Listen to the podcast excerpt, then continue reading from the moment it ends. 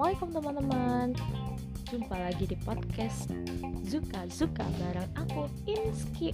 Oke, okay. um, aku mau mengucapin selamat menunaikan ibadah puasa di bulan suci Ramadan ya teman-teman. Walaupun telat banget sih, ini udah mau lebaran tapi nggak apa-apa. Um, Aku juga mau ngingetin jangan lupa tingkatin terus ibadahnya Karena di hari uh, terakhir ini pahalanya kan semakin berlipat ganda gitu ya nah semangat berpuasa ya teman-teman. Sambil aku temenin nih dari dengan podcast aku. Semoga kalian semua berkenan ya. Oh terus ini maaf banget nih jarak antara podcast pertama sama podcast kedua ini jauh banget karena uh, bukannya sok, si, sok sibuk ya tapi emang aku nggak uh, aku nggak ada waktu aja cuy. Nggak sih karena lebih nggak ada ketenangan aja karena rumah aku tuh uh, aku tinggalnya di dalam mes rumah-rumah sewa yang dikasih dari sekolah gitu rumah khusus dulu. Nah terus rumahnya ini tuh dia sekatnya itu kayu sama tembok itu loh guys. Jadi suara tetangganya tuh masih masuk. Jadi susah banget buat cari ketenangan. Kenapa aku nggak keluar? Karena kalau keluar kan ya nggak boleh dong. Kan lockdown kemarin-kemarin. Begitu.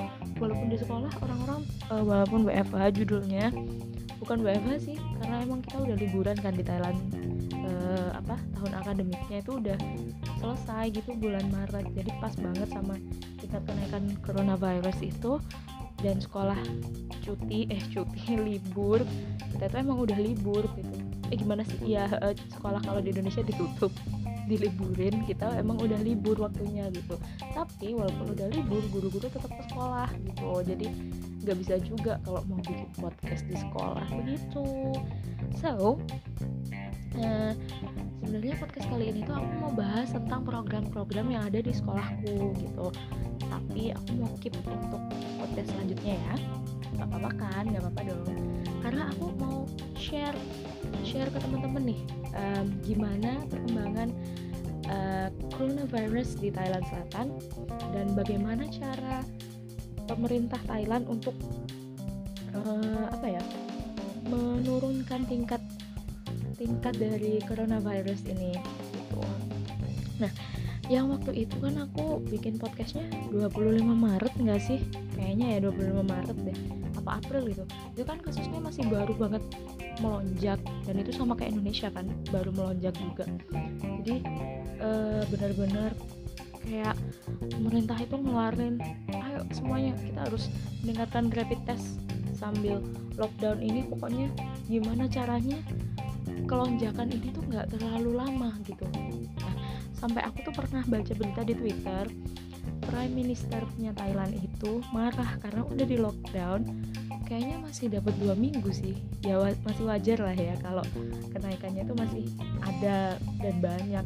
Tapi orangnya tuh marah gitu loh kenapa ya? Udah di lockdown tapi kok masih kayak gini? Sampai beliaunya sendiri itu turun ke jalan buat ngecek suhu badan pengendara motor gitu nah terus hmm, memang sih Thailand itu langsung lockdown tapi penerbangan itu nggak yang langsung ditutup semua. Sama kayak di Indonesia awal-awal dulu eh, nggak langsung ditutup. Mereka juga melakukan repatriasi untuk warga negara Thailand.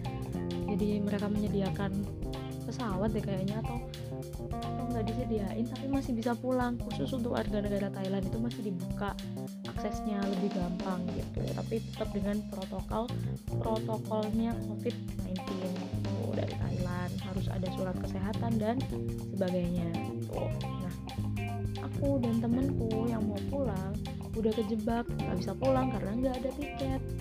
Bener-bener nggak ada tiket yang dari sini Thailand Selatan dari Hatiai ke ke Surabaya gitu. Jadi rumahku di Surabaya ya guys. Eh, di Surabaya sih di Kabupaten Pasuruan gitu. Tapi turunnya di Bandara Surabaya gitu. Nah ya udah akhirnya kita menuruti semuanya protokol dari pemerintah Thailand untuk stay at home. Jadi aku tuh di sini tempatnya tinggalnya itu di perbatasan provinsi. Nah kalau di sini tuh provinsinya nggak segede di Indonesia gitu loh guys. Jadi hmm, kayak kecil-kecil uh, gitu lah misal kayak Surabaya itu mereka panggilnya provinsi. Gitu. Gitu nah satu satu provinsi itu banyak desa-desanya banyak kota-kotanya kayak gitu. Tapi kecil banget lingkupnya nggak segede yang provinsi Jawa Timur gitu. Nah terus aku tuh tinggalnya di Patani tapi kalau aku 15 menit dari tempatku aku tuh udah nyampe di kota Yala gitu. Di provinsi Yala gitu. Jadi otomatis kalau aku mau beli apa-apa aku pergi ke Yala. Nah sejak penerapan lockdown dan sejak angka angka uh, apa pasien COVID-19 itu bertambah bener-bener setiap pintu masuk kota desa dan provinsi itu ditutup. Nah terus aku tuh sama temanku nyoba aku tuh mau beli sayur. Ya aku mau beli sayur yang di tempat biasanya di provinsi Yala deket banget kalau aku malah ke uh, tukang sayur. Jadi di desa aku tuh nggak ada orang yang jual sayur. Jadi aku harus keluar dulu. Nah kalau aku mau keluar yang paling dekat ya emang di situ. Kalau aku ke provinsiku sendiri itu mungkin sekitar 20 menitan. Nah itu tuh 15 menit ya emang cuma jaraknya 5 menit sih bedanya. Tapi gimana sih guys? Udah nyaman gitu kan? Tuh mau nyoba gitu kita nyoba terus dihadang sama petugasnya. Katanya emang nggak boleh lewat gitu. Terus uh, enak sih in ininya petugasnya ngomongnya nggak yang nggak yang marah-marah gitu enggak jadi kitanya luluh. Mudah sekali gitu ya luluhnya. Kayak emang orangnya bener-bener oh maaf ya nggak bisa lewat sini. Ini udah uh, udah apa peraturannya. Terus kita oh, beneran? Cuma mau ke depan situ loh. Nggak bisa ya? Iya maaf banget nggak bisa gitu jadi terus ya udah kita pokoknya orangnya penyampaiannya bagus banget. Jadi kita tuh nggak yang nggak yang sebel nggak apa tapi oh ya udah deh gitu. Kayak ya udah deh kita pergi aja. Gitu. Terus uh, apa ya? Oh warganya itu akhirnya kemudian nurut guys. Karena mereka kayak ketakutan gitu. Awalnya tuh kayak yang di podcast aku sebelumnya aku udah bilang kan uh, orang Thailand itu juga belum terlalu takut awalnya sama covid itu. Tapi karena melihat angkanya semakin naik naik naik dan sampai prime minister dan pemerintah juga kalang kabut akhirnya mereka juga takut gitu. Kita semua yang di dalam negara ini tuh takut. Terus akhirnya bener-bener lockdown dan bener-bener ketat itu kan jadinya mungkin efektif gitu. Tapi yang aku sering dengar adalah ketidakjujuran dari pasien. Nah jadi kan mereka banyak yang baru balik dari Malaysia nih karena eh, eh, apa ya deket gitu kan. Nah terus ada nih di salah satu tempat di provinsi Yala sekitar hmm, 45 menit sampai satu jam dari sini ada uh, pasien gitu. Dia nggak bilang kalau dia baru pulang dari Malaysia. Terus dia ke klinik bukan klinik ya rumah sakit gitu lah rumah sakit kecil. Terus uh, dia diperiksa. Nggak tahunya emang dianya kena covid gitu. Sekeluarga menyembunyikan itu semua dan akhirnya satu rumah sakit terjangkit dan harus ditutup gitu. Ya kasihan juga sih. Dan itu kasusnya nggak cuma sekali ada beberapa kali tuh orangnya kayak bener-bener nggak mau ngakuin gitu guys. Kayak di Indonesia ya aku juga beberapa kali dengar kan itu. Parah banget sih. Kayak covid itu bukan aib. Nggak ada orang yang pengen sakit ya kan? Tapi mau gimana lagi gitu loh. We are in this together. Kalau pengen selesai ya kita harus jujur kita harus kerjasama gitu kan. Tuh itu sih yang disayangin. Tapi tapi alhamdulillah sekarang udah nggak terlalu mencuat kasusnya.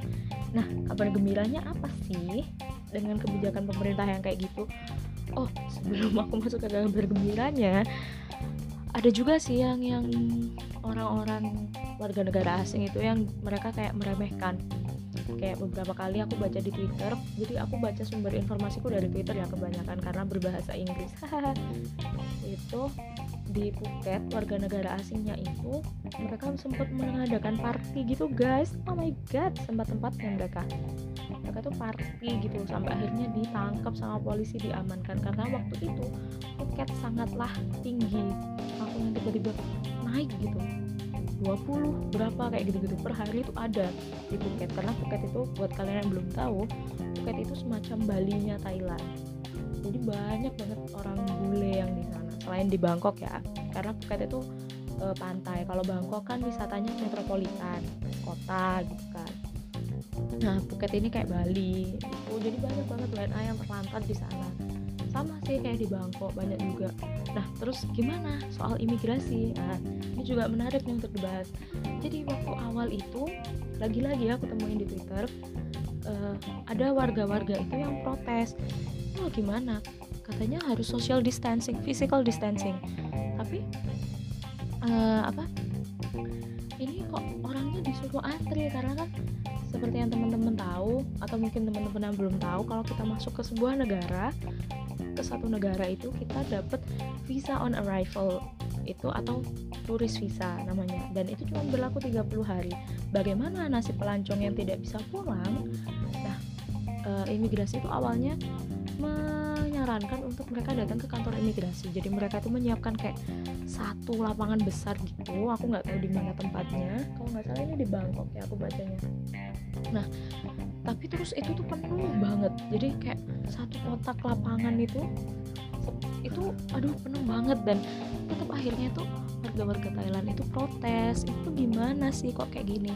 Nah akhirnya pemerintah uh, mengubah peraturan itu dan jadilah kayak ada uh, warga negara asing itu bisa mendapat keringanan uh, tidak usah tidak usah uh, memperbarui visa on arrival atau turis visa selama mereka baru nyampe itu dari tanggal sekian sampai tanggal sekian gitu. Jadi ada ininya uh, peraturan baru gitu.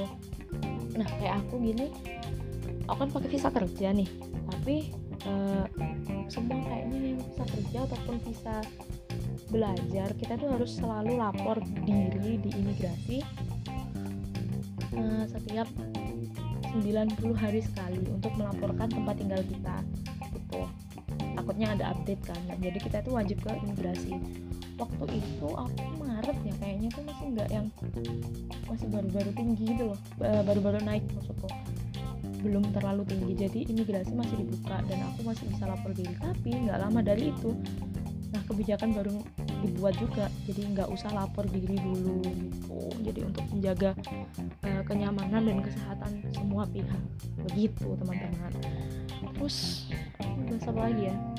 Oh terus kayak mereka tuh akhirnya nutup gerai-gerai kedai-kedai apa yang uh, yang terlalu besar itu mereka disuruh tutup restoran juga nggak boleh buka warung. Boleh buka tapi harus take away nggak boleh dine in nggak boleh makan di tempat gitu. Semua berlaku ke warung kecil tempat makan besar semua kayak gitu. Sama ya kayak di Indonesia kayaknya. Nah terus uh, kemudian pemerintah itu mengeluarkan rencana untuk membuka kembali itu sesuai dengan perkiraan perhitungan itu Juni kan kemudian kayak warganya mungkin semangat juga ya akhirnya mereka sadar gitu terus ya alhamdulillah banget kabar gembiranya itu kasusnya semakin lama semakin menurun. Jadi di sini aku punya data dari worldmatters.info mana ya? Nah ini. Jadi April tanggal 9 itu kasusnya udah masuk angka 2 digit aja gitu. Cuman 54 kasus baru dan dua kematian. Terus April tanggal 10 udah 50 kasus baru dan satu tingkat kematian. Kemudian April tanggal 11 45 kasus baru dan dua kematian. Nah waktu April tanggal 12 itu udah masuk angka 33 teman-teman. Jadi kayak wow aku tuh kayak wow alhamdulillah banget semakin turun. Berarti aku bisa cepat pulang karena ya itu tadi aku kan nggak bisa pulang gitu. Aku udah beli tiket beberapa kali sih zong gitu jadi dan duitnya belum balik tiba. Oke okay, aku bakal lanjutin itu nanti cerita tiket-tiket itu ya.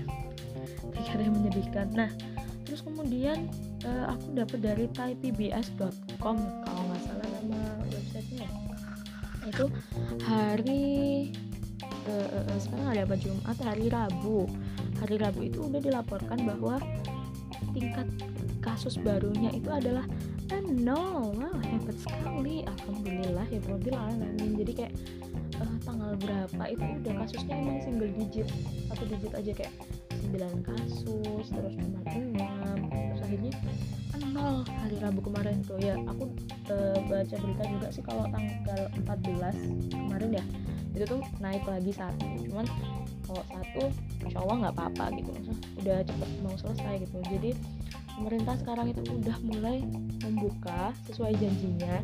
Walaupun ini belum Juni Juni itu uh, dibuka semuanya kayaknya. Tapi Mei itu pemerintah udah janji kalau hmm, bakalan buka fasilitas yang kecil-kecil kayak waktu itu udah masuk single digit kenaikan kasusnya. Hanya pemerintah membuka groceries kayak gitu-gitu. Dibuka toko sayur apa-apa gitu-gitu dibuka. Tapi cuman yang berskala kecil hmm, salon itu juga dibuka. Dan orang-orang di sini seneng banget gitu salon dibuka. Temanku yang di Bangkok dia bilang ah, akhirnya bisa potong rambut bisa bisa ini bisa itu merawat diri katanya dia gitu. Jadi ya aku juga baru tahu sih kalau salon berperan aktif sekali ya di sini. Untuk sebagian orang mungkin iya di mana-mana ya. Nah terus kayak taman gitu juga udah mulai dibuka. Tapi harus tetap physical distancing gitu social distancing dan dikasih jam.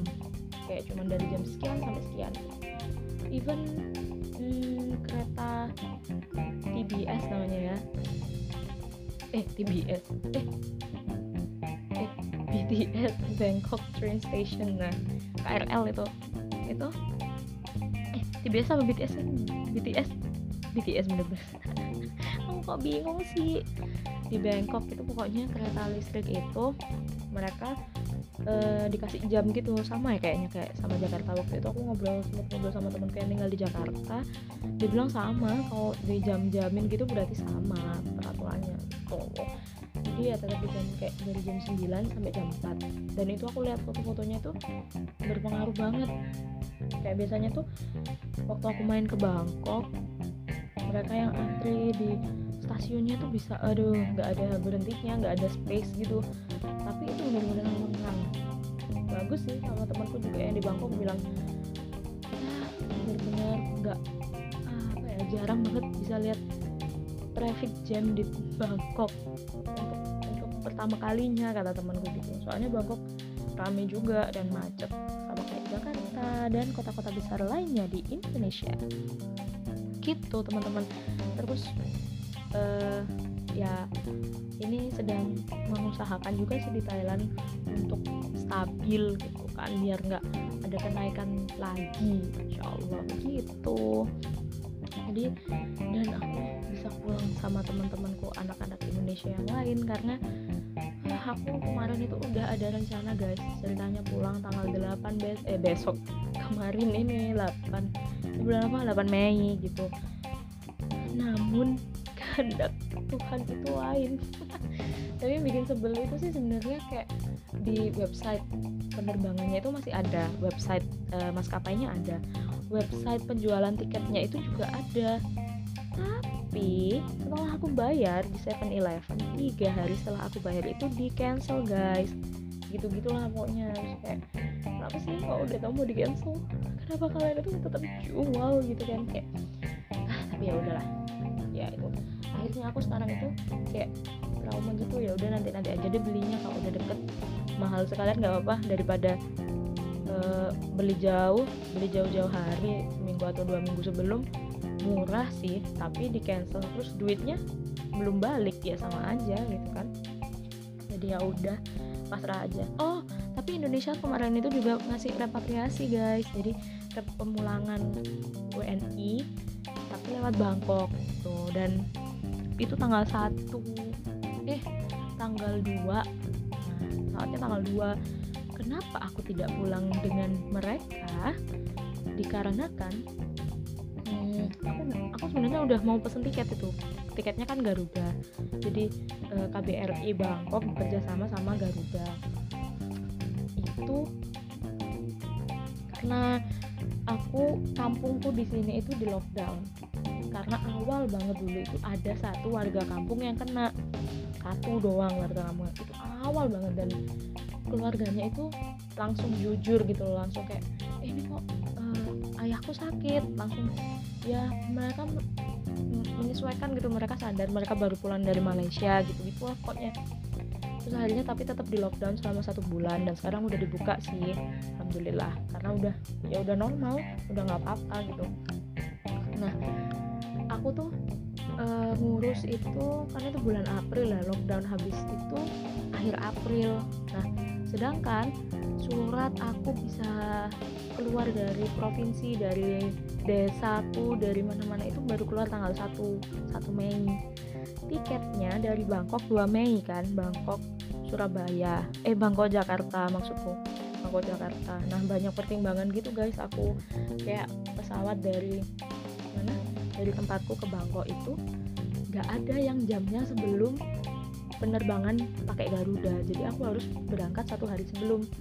Yang mana itu adalah tanggal 1 nah tanggal 1 suratku baru keluar. Jadi kayak uh, nggak nggak nggak bisa gitu. Terlalu terburu-buru karena jarak bandara dari sini juga jauh lumayan dua jam gitu kan. Terus belum lagi nanti nunggu nunggu kantornya buka dan lain sebagainya di sini nggak ribet sih alhamdulillah kemarin itu aku ngurus ngurus suratnya itu nggak ribet sama sekali. Dibantuin malahan sama uh, petugasnya kayak ini mau pulang ya? Oh iya ya nanti deh. Tapi nanti aku tanyain dulu karena bos bos aku nggak ada orangnya bilang gitu atasan aku nggak ada. Nanti aku tanyain dulu ini kalau misal kalian mau pulang setelah lockdown dibuka apakah kalian perlu surat atau enggak? Yang kayak gitu gitu sih. Nah wow, udah 21 menit. Semoga telinga kalian tidak apa-apa ya mendengar suaraku selama ini. Selama ini. Se ya, benar selama ini kan. oh ya, mohon maaf ya.